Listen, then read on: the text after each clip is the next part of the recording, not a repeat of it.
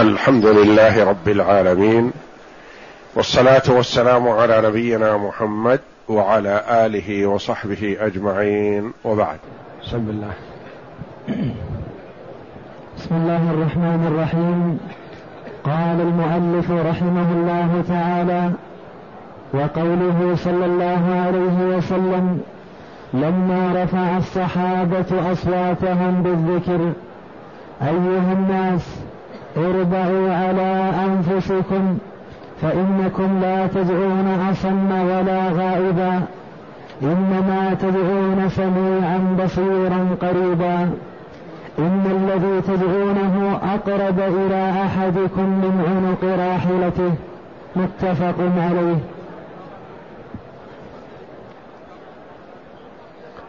هذا الحديث هو الحديث الخامس عشر في إثبات صفات الباري جل وعلا. أورد شيخ الإسلام ابن تيمية رحمه الله الآيات الواردة في إثبات صفات الباري تبارك وتعالى. ثم أورد بعدها الأحاديث الواردة فيها ذكر صفات الباري تبارك وتعالى. ومن المعلوم أن صفات ربنا تبارك وتعالى لا تثبت إلا بالكتاب العزيز أو السنة الصحيحة لأن الصفات والأسماء لله جل وعلا توقيفية.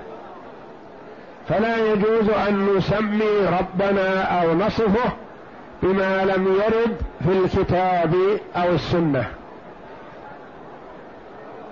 والإثبات كما يقول العلماء تفصيلي والنفي اجمالا.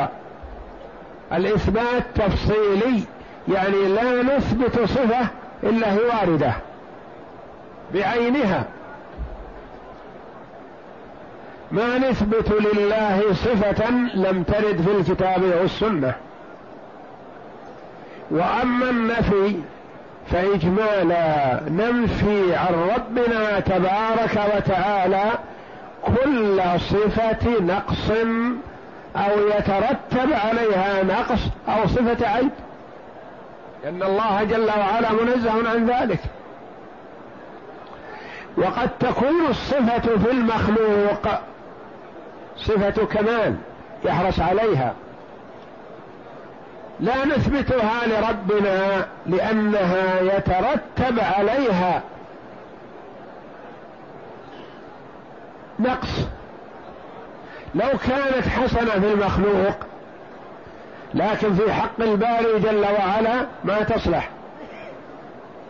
لأن المخلوق حرص عليها لما فيه من صفة النقص. والباري جل وعلا مبرأ منزه عن النقص والعيب. إيضاح ذلك مثلا صفات المخلوقين عديدة. لكن من ضمنها أنه يقال فلان يولد له. وفلان لا يولد له. الذي يولد له يرى أنه أحسن من ذاك. والذي لا يولد له يرى أنه أقل من صاحبه يود أن يكون مثله. هذه صفة حسنة في المخلوق. لكن هل تصلح في حق الباري تبارك وتعالى؟ لا. لما هذا المخلوق يتمنى أن يولد له؟ لأنه يشعر بالنقص. يريد ولد يساعده. يعينه. ينفعه في الدنيا. ينفعه بعد مماته وهو مثل اللي ما له أحد. والله جل وعلا منزه عن هذا. لم يلد ولم يولد. فنقول الصفات توقيفية ولا مجال للاستحسان فيها. لا مجال للاستحسان فيها توقيفية عن عن الله تبارك وتعالى في كتابه أو عن النبي صلى الله عليه وسلم في سنته الصحيحة. فلذا أورد المؤلف رحمه الله الآيات الدالة على إثبات الصفات. ثم أورد بعدها الأحاديث الدالة على إثبات الصفات. هذا الحديث الذي معنا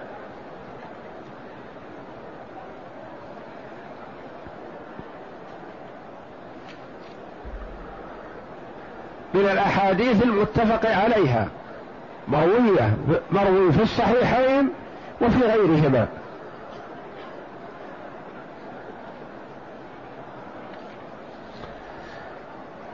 قال لما رفع الصحابة أصواتهم بالذكر. قال عليه الصلاة والسلام أيها الناس اربعوا على أنفسكم اربعوا بمعنى أرفقوا. وخففوا. فإنكم لا تدعون أصم ولا غائبا إنما تدعون سميعا بصيرا. ثم زاد في الإيضاح عليه الصلاة والسلام إن الذي تدعونه أقرب إلى أحدكم من عنق راحلته. متفق عليه.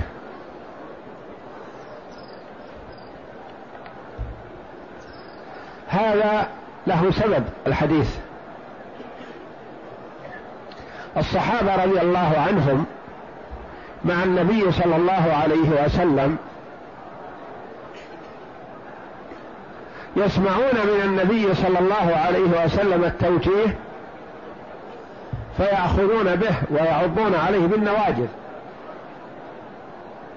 وصية النبي صلى الله عليه وسلم لفرد من أفراد الصحابة وصية للأمة قاطبة من أولها إلى آخرها.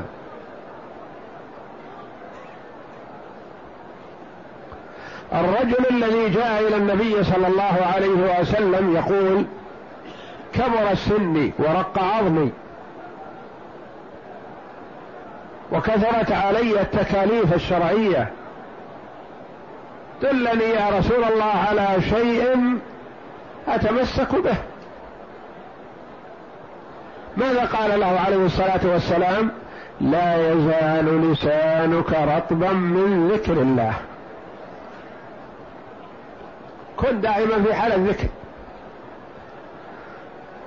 لأن الله جل وعلا قال إن المسلمين والمسلمات والمؤمنين والمؤمنات إلى قوله تعالى والذاكرين الله كثيرا والذاكرات أعد الله لهم مغفرة وأجرا عظيما.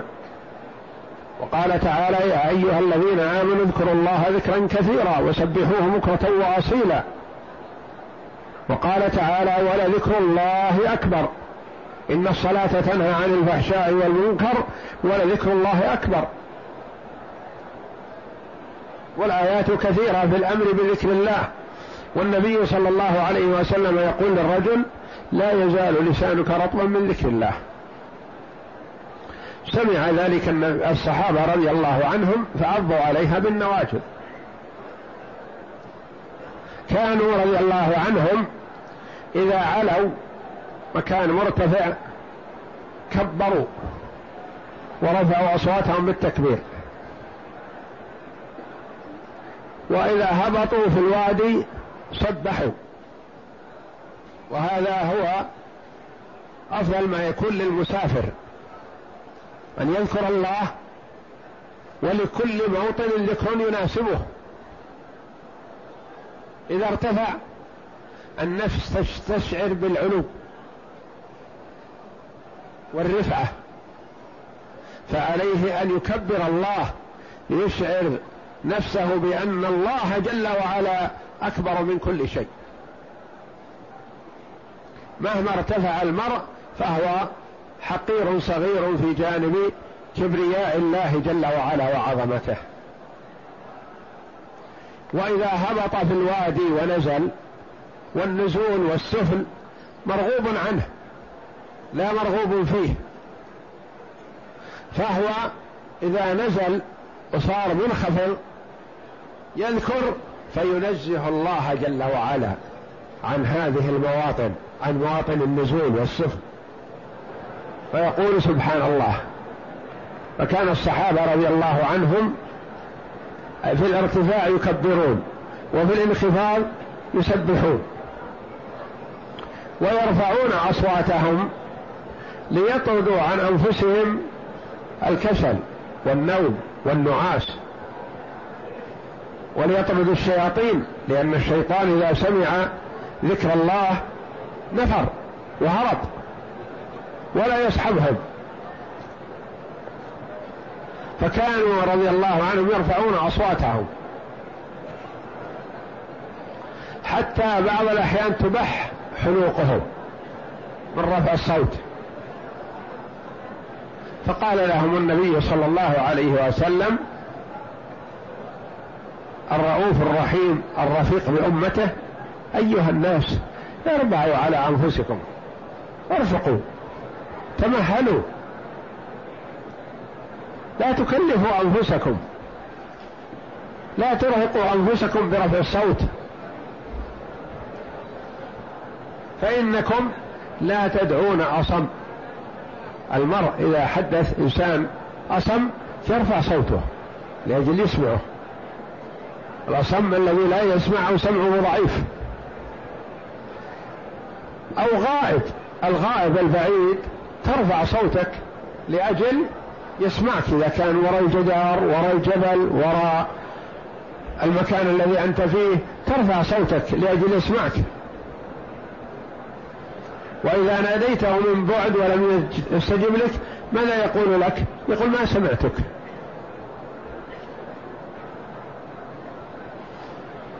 إنكم لا تدعون أصم ولا غائب. بعيدا عنكم. هم رضي الله عنهم على رواحلهم مسافرين. والنبي صلى الله عليه وسلم يقرب لهم الأمور ويعطي كل إنسان على ما يناسبه.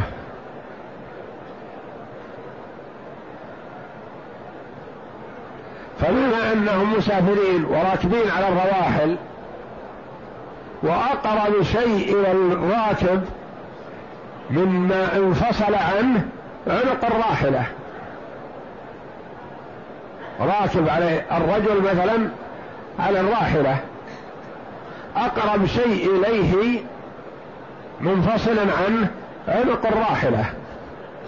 فيعطيهم النبي صلى الله عليه وسلم العلم الذي يقترن بحالهم حتى ما ينسوه ويحفظوه. إن الذي تدعونه إنما تدعون سميعا بصيرا اثبات السمع والبصر لله جل وعلا. إن الذي تدعونه في القرب أقرب إلى أحدكم من عنق راحلته. أقرب إلى أحدكم قال أقرب ما قال مثل بل أقرب من هذا. يعني كل ما أمكن أن يوصف به بالقرب فهو أقرب منه. كما قال جل وعلا ولقد خلقنا الإنسان ونعلم ما توسوس به نفسه ونحن أقرب إليه من حبل الوريد. العرقان في جانبي الرقبة.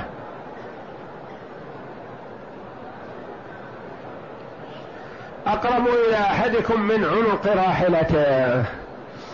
هذا أتى به النبي صلى الله عليه وسلم للإرفاق بالأمة وأنه لا ينبغي للعبد أن يشق على نفسه مشقة لا يطيقها في طاعة الله.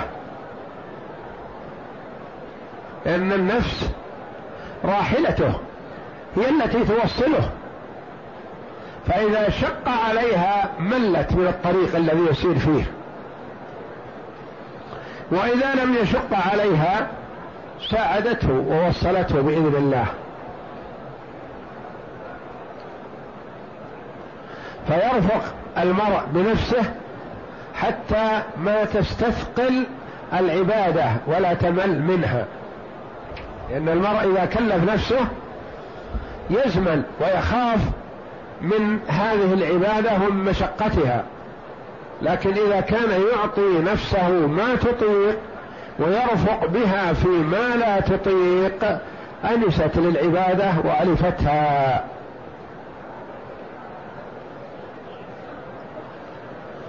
وفي هذا الحديث إثبات صفات لله جل وعلا وإثبات صفات سلبية. إثبات صفات ثبوتية. وإثبات صفات سلبية. يعني مسبوبه عن الله ليس صفة لله. إثبات انها منفية عن الله. ما هي المثبتة؟ سميعا بصيرا. أقرب إلى أحدكم من عنق راحلته السمع والبصر والقرب. والمنفي لا تدعون اصم ولا غائبا الله منزه جل وعلا عن السمع عن الصم وعن الغيبوبة يغيب عن عباده. لا.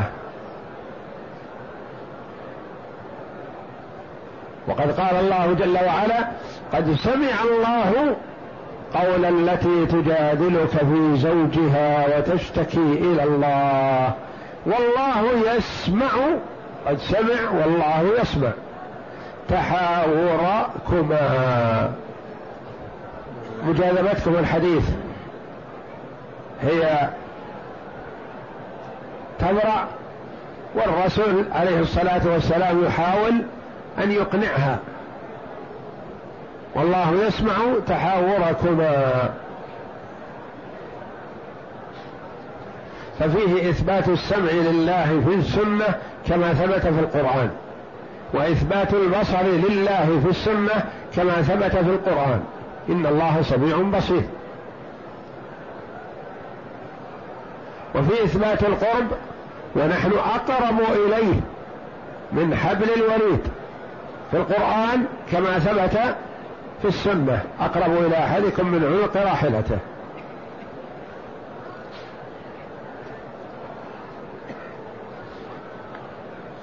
ثم هذا القرب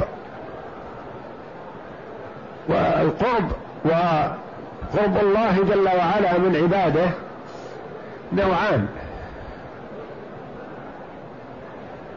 قرب خاص وقرب عام.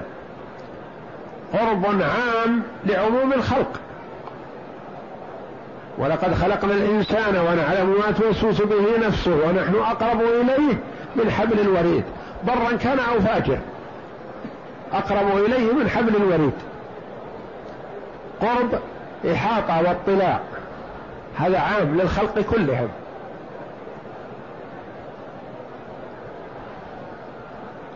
اقرب ما يكون العبد من ربه وهو ساجد. هذا قرب إجابة وقبول.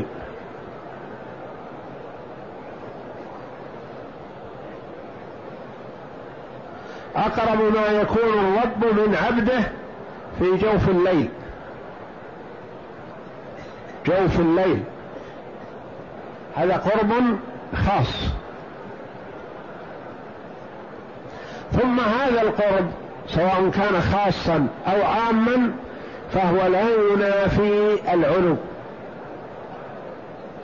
هو قريب جل وعلا من عباده وهو مستو على عرشه.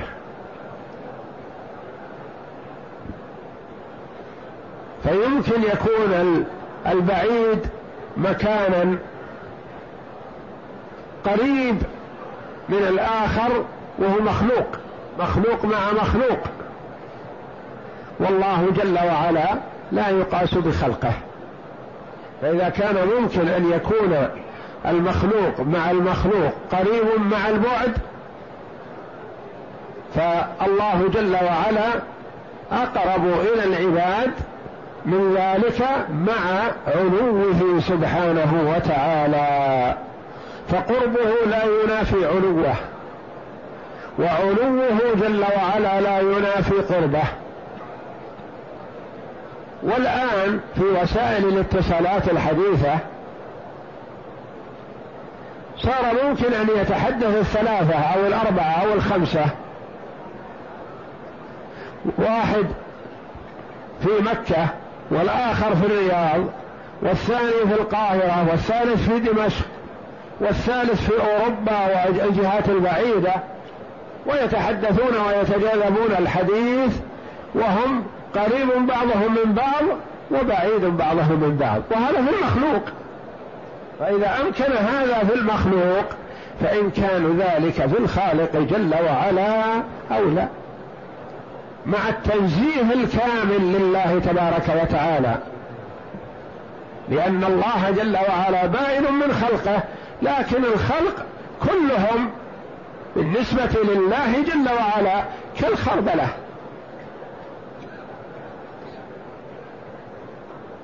كالخردلة في كف أحدنا. الخلق كله في قبضة الله وفي اطلاعه وفي رؤيته وفي قربه منهم سبحانه وتعالى مع علوه. وتنزهه عن مخالطة المخلوقين.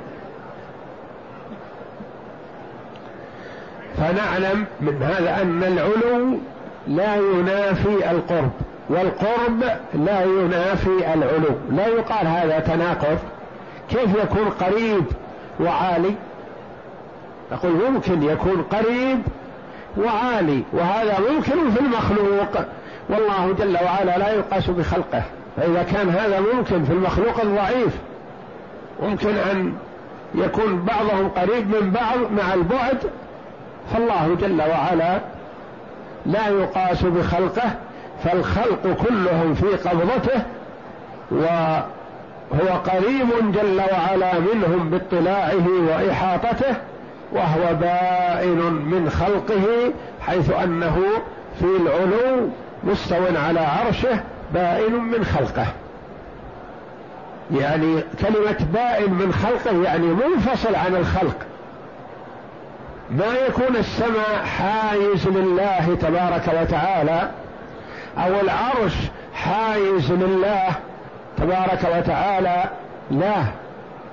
الله بائن من خلقه وهو على العرش والعرش سقف المخلوقات.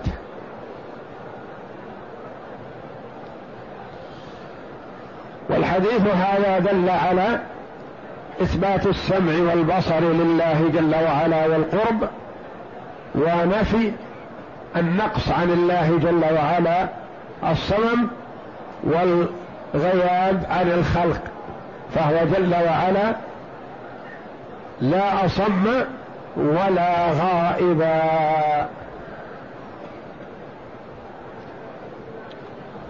اقرأ. قوله صلى الله عليه وسلم أيها الناس اربعوا على أنفسكم إلى آخره. أفاد هذا الحديث قربه سبحانه عن عباده وأنه ليس بحاجة إلى أن يرفعوا إليه أصواتهم. لأن الذي يرفع له الصوت هو الذي لا يسمع. والله جل وعلا يرى ويسمع. دبيب النملة السوداء على الصخرة الصماء في ظلمة الليل. نعم. فإنه يعلم السر والنجوى. ويؤخذ من هذا أنه لا ينبغي للمرء أن يشق على نفسه في أمر من أمور العبادة حتى لا تمل. نعم. وهذا القرب المذكور فيها في الحديث قرب إحاطة وعلم وسمع ورؤية فلا ينافي علوه على خلقه. قرب إحاطة وعلم يعلم ما هم عليه وسمع يسمع ما يقولونه وما يتكلمون به ورؤية يراهم جل وعلا وقرب إجابة وعنايه بخلق بالمؤمنين منهم. فلا ينافي نعم. فلا ينافي علوه على خلقه. يعني العلو ثابت والقرب ثابت لله تبارك وتعالى. والله أعلم. وصلى الله وسلم وبارك على عبده ورسول نبينا محمد وعلى آله وصحبه أجمعين.